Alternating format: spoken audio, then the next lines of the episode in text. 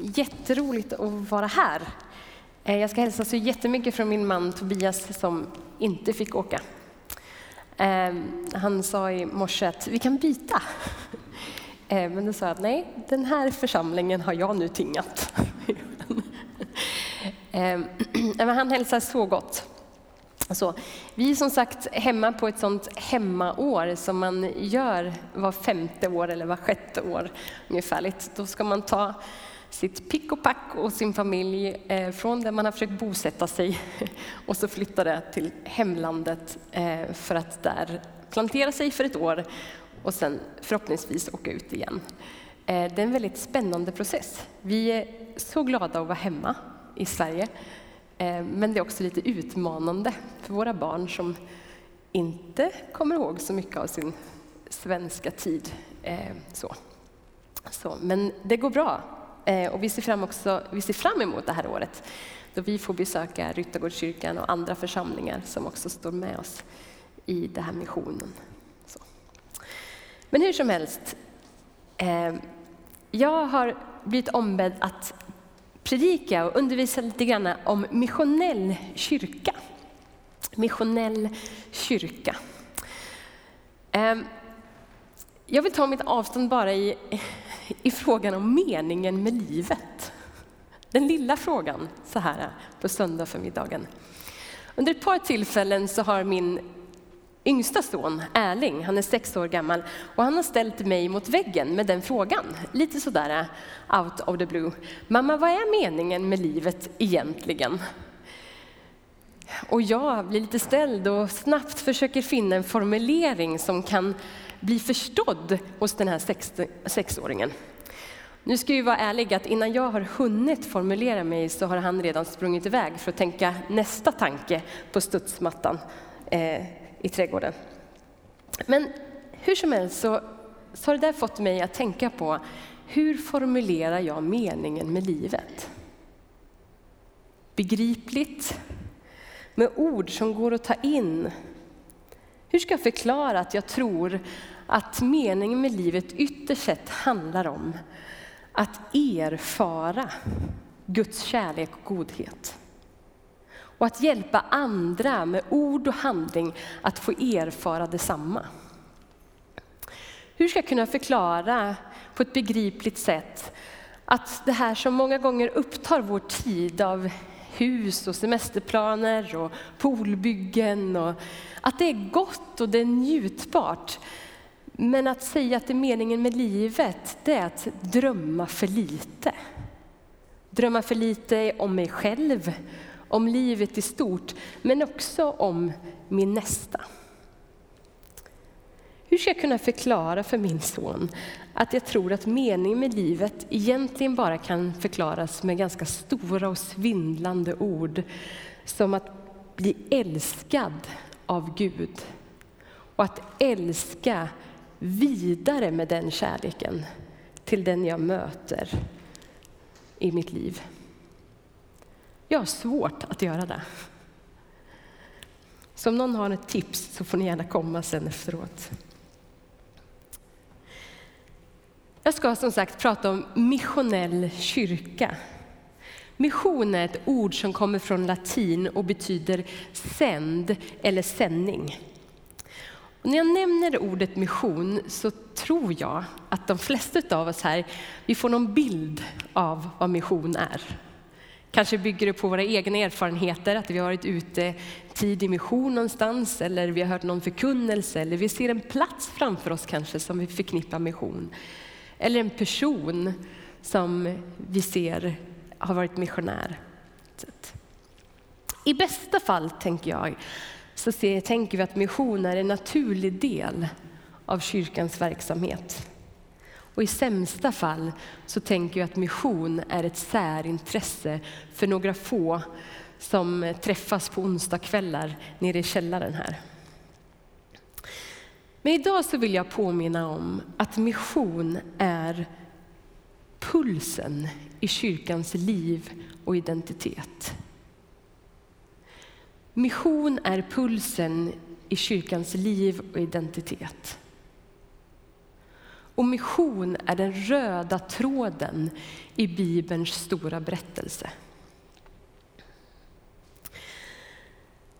En teolog, Christopher Wright, han har sagt att det inte är Guds församling som har en mission, utan det är Guds mission som har en församling. Guds mission har en församling. Det påståendet visar för oss att kyrkan är del av någonting mycket större. Att hon är kallad och inbjuden till ett större ärende än sig själv. Hon är kallad in i mission, i Guds mission. Så därför är mission inte bara en aktivitet som kan fånga några få människors intresse eller engagemang. Det är inte en aktivitet som vi kan välja till eller välja bort, utan det är pulsen i församlingen. Det är faktiskt därför hon existerar till viss del. Och kyrkan är missionell. Vad menar jag med det? Jo, hon är sänd ut i världen av Gud för den här världens skull. Kyrkan är missionell, hon är sänd ut i världen. För att förstå kyrkan som missionell så bör vi börja med att påminna oss om att all mission börjar ytterst sett hos Gud, i Guds treeniga person. Fader, Son och Ande. Och det är Gud själv som har initierat missionen. Det är inte vi och vår verksamhet eller samfundets verksamhet, utan det är Guds mission. Det är han som har initierat en räddningsplan för den här världen. Han är den som agerar utifrån sin kärlek och sin godhet för att upprätta den här världen.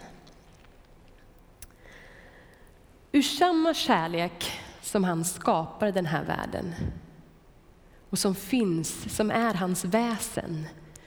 Ur samma kärlek så drivs han att rädda den. Där finns grunden för missionen, i Guds egen kärlek. Så mission är ett resultat av vem Gud är. Det är alltså inte verksamhet, en aktivitet, några få människors kallelse, utan det är grunden faktiskt i ett resultat i vem Gud själv är. Och Guds mission visar sig ytterst sett i Jesus Kristus, i hans handlande, hans liv, hans död och hans uppståndelse. Vi behöver också påminna oss om att mission hör samman med Guds rike. Missar vi den poängen så missar vi ett stort stycke i vad mission handlar om. Guds rike, det där vi väntar på, det som både är mitt ibland oss men det också väntar på. Där Guds försoning sker, där Guds rättvisa finns. Där inga tårar, ingen smärta, inget förtryck eller ojämlikhet finns. Det är Guds rike.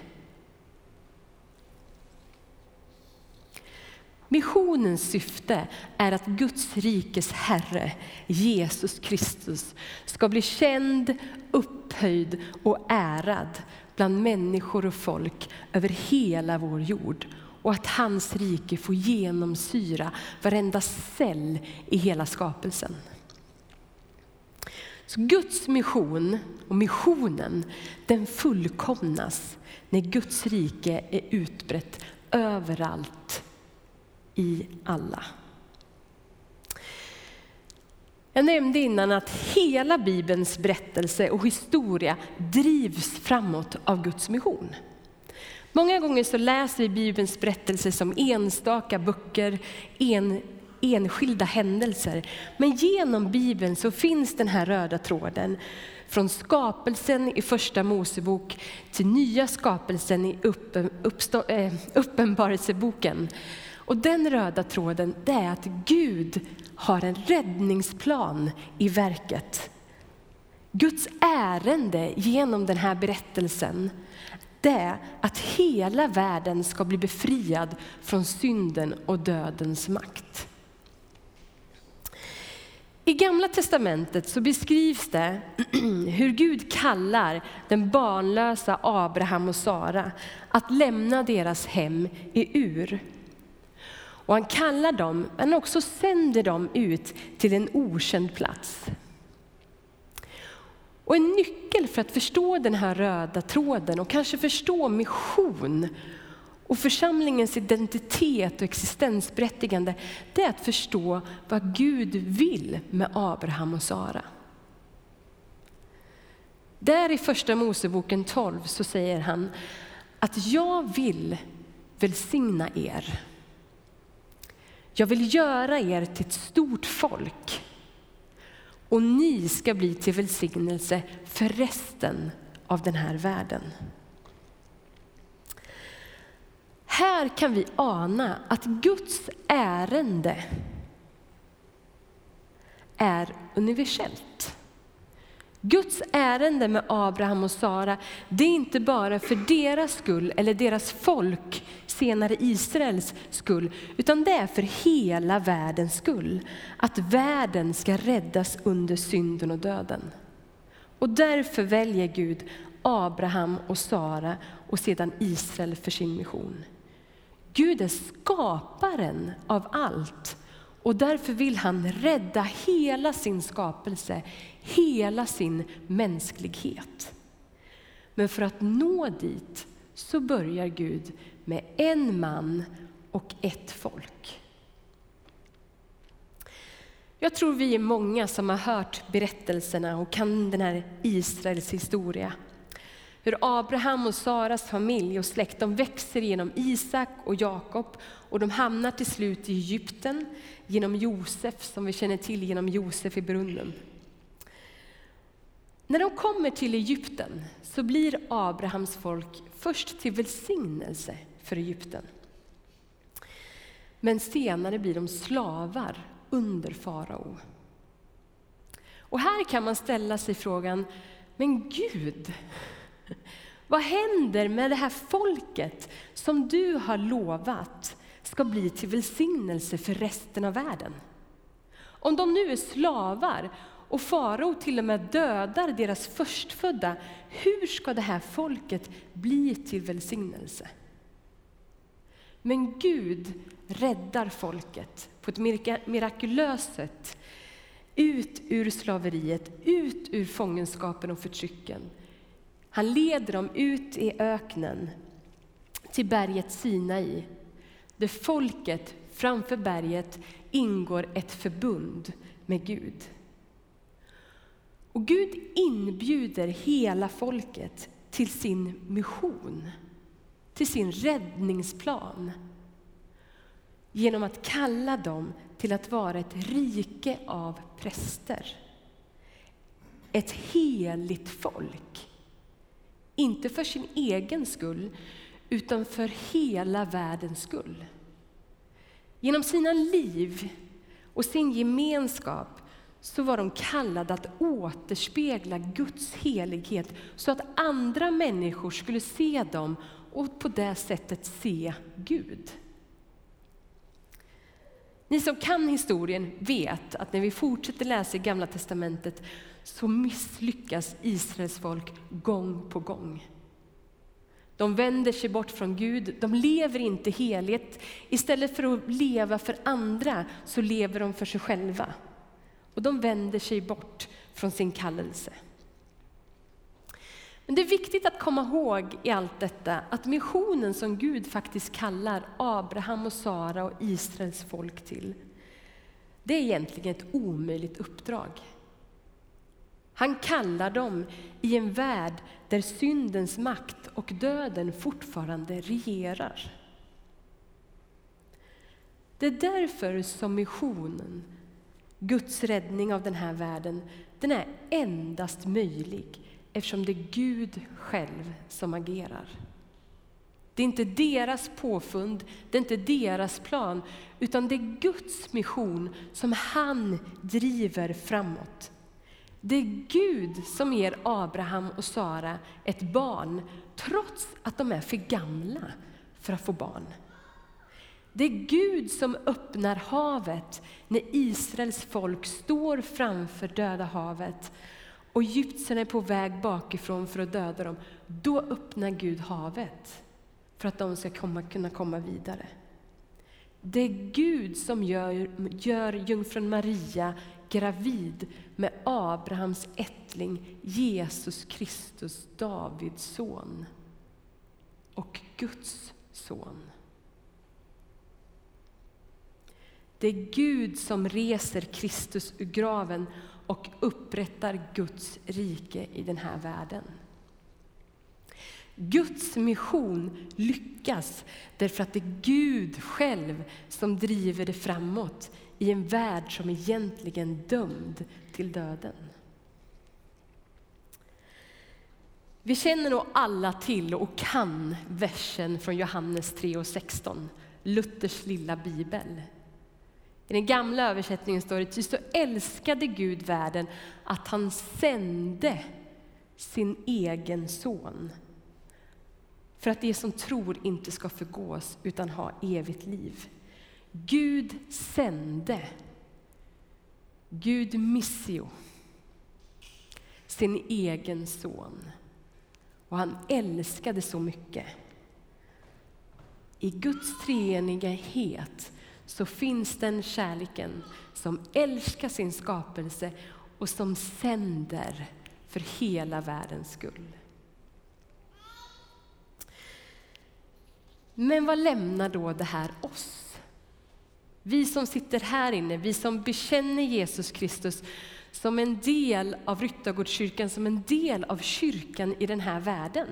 Vad rör det här oss? Bibeln beskriver ju kyrkan som gemenskapen runt Jesus Kristus. Det står att vi är inlemmade i Guds folk. I det där gamla testamentliga folket, Abraham och Israels folk. Det står i Galatierbrevet, alla är ni, nämligen genom tron, Guds söner i Kristus Jesus. Men om ni tillhör Kristus är ni också avkomlingar till Abraham och arvtagare enligt löftet. Det det säger är att vi har genom vår tro på Kristus blivit en del av Abrahams folk. Och på så sätt så är vi också utvalda och kallade in i Guds mission för den här världens skull. Vi är kallade, sända, både själva välsignade, men också sända för att bli till välsignelse för andra. För det var ju det Abraham och folket fick höra. Men folket i Gamla testamentet skulle bli igenkända genom att de levde ett heligt liv genom lagen. Så vi kallade till ett heligt liv genom Anden, Andens kraft och kärlek. Kyrkan har på så sätt blivit indragen i Guds mission genom att vi har döpts in i Kristi kropp och är hans lemmar i den här världen. När Jesus har uppstått så visar han sig för lärjungarna. Lärjungarna sitter rädda, inlåsta, rädda att romarna ska komma och ta dem till fånga. Johannes evangeliet beskriver att när de sitter där i det där rummet så står Jesus helt plötsligt framför dem. Och så säger Jesus i Johannes 20, vers 21. Frid åt er alla. Som Fadern har sänt mig, så sänder jag er. Och sen andades han på dem och sa, ta emot den helige Ande. Den här versen skulle man egentligen kunna skriva en bok om. Jag sa förra gudstjänsten en predikan, men jag tror man kan skriva en bok om den här. Det är så mycket sprängstoff i det här, så jag tänker att skulle vi ta till oss det här, skulle jag ta till mig det här, jag undrar hur mina val skulle se ut. Men jag tänker att vi får ha nåd med oss själva och med varandra. Att låta oss ta tid, att låta det här förvandla oss dag efter dag. Men tre saker vill jag säga. Jesus börjar med att hälsa lärjungarna med fred, eller frid. Många gånger översätts det i Bibeln med frid, men det skulle lika gärna kunna säga stå fred. På grekiskan är det rene och på eh, hebreiskan är det shalom. Vilket är ett uttryck för det tillstånd Guds rike utlovar. Ett tillstånd av fred, rättvisa, jämlikhet, helande, tröst, hopp. Allt det där som vi drömmer om för Guds rike. Också politisk rättvisa, ekonomisk jämställdhet och så vidare. Det är vad shalom, frid, fred ger uttryck för. Och när Jesus kommer där så säger han frid åt er alla. Uppståndelsen har skett och dödens makt i den här världen är bruten. Så den där friden som Jesus nu kommer med är att han säger egentligen att nu, Guds rike har kommit, är på väg att utbredas. Men det är inte nog. Han slutar inte med att säga bara att det nu, nu har det skett. Utan han säger också, som Fadern har sänt mig, så sänder jag er. På samma sätt som Fadern i treenigheten sänder Sonen, vilket innebär att Fadern sänder Sonen med samma auktoritet, samma mission som Fadern har i den här världen, sänd Sonen med. Och nu säger Sonen till lärjungarna, till oss, att vi är sända på samma sätt. Inte några få, utan den som möter en uppståndne Kristus är sänd av honom.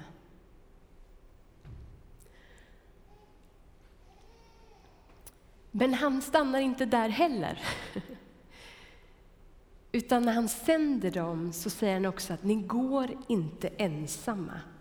Utan Jesus andas på dem och så säger han ta emot den helige Ande.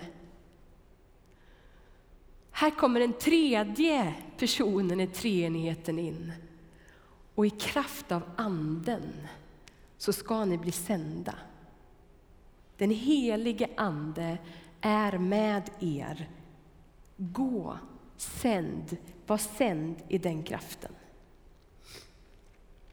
Vi Jesu lärjungar, vi som sitter här och bekänner Jesus Kristus, vi får Anden. I en värld som där dödens makt är bruten genom Jesu uppståndelse, men, men där dödens makt fortfarande är verksam till dess att Jesus kommer åter. Mellan de här två historiska händelserna, inte bara andliga skeenden, utan vi som kristna tror att det sker i historien. Mellan dessa historiska händelser är vi sända som kyrka i Andens kraft ut i den här världen. Och där vi är, är Gud närvarande. Det är inte ofta man får använda sina två favoritcitat i samma predikan. Men innan så sa jag det här med Christopher Wright om att Guds mission har en församling. Och nu får jag säga mitt andra favoritcitat det är att församlingen är Guds fortsatta inkarnation i den här världen. Inkarnation betyder förkroppsligande eller närvaro. Jesus inkarnerades, Gud inkarnerades i Jesus Kristus. Nu är det så att vi är Guds fortsatta närvaro i den här världen. Du och jag som är döpta in i Jesu kropp, som har fått del av den helige Ande, vi är Guds fortsatta närvaro i den här världen. I Linköping, i vårt hem, när vi möts, när vi är på vår arbetsplats. Jag är osäker på om jag själv förstår hur stora de där orden egentligen är. Mellan Jesu uppståndelse och dess han kommer åter så är församlingen Guds fortsatta närvaro i den här världen. Inte för att vi är stora, inte för att vi är bra, inte för att vi har lyckats, utan snarare därför att vi är hopplösa, brustna, i behov av kärlek, tröst, hopp, frid. Så har Gud utvalt oss för att i det visa sin kraft och sin kärlek, sin godhet och sin tröst. Tillsammans är vi sända att förkroppsliga Guds rike i den här världen.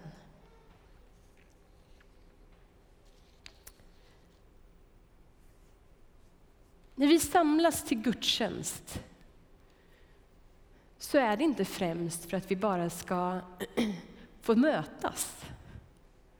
Det är faktiskt inte ens så att vi samlas för att vi ska få tröst och hopp och hålla fast vid vår tro.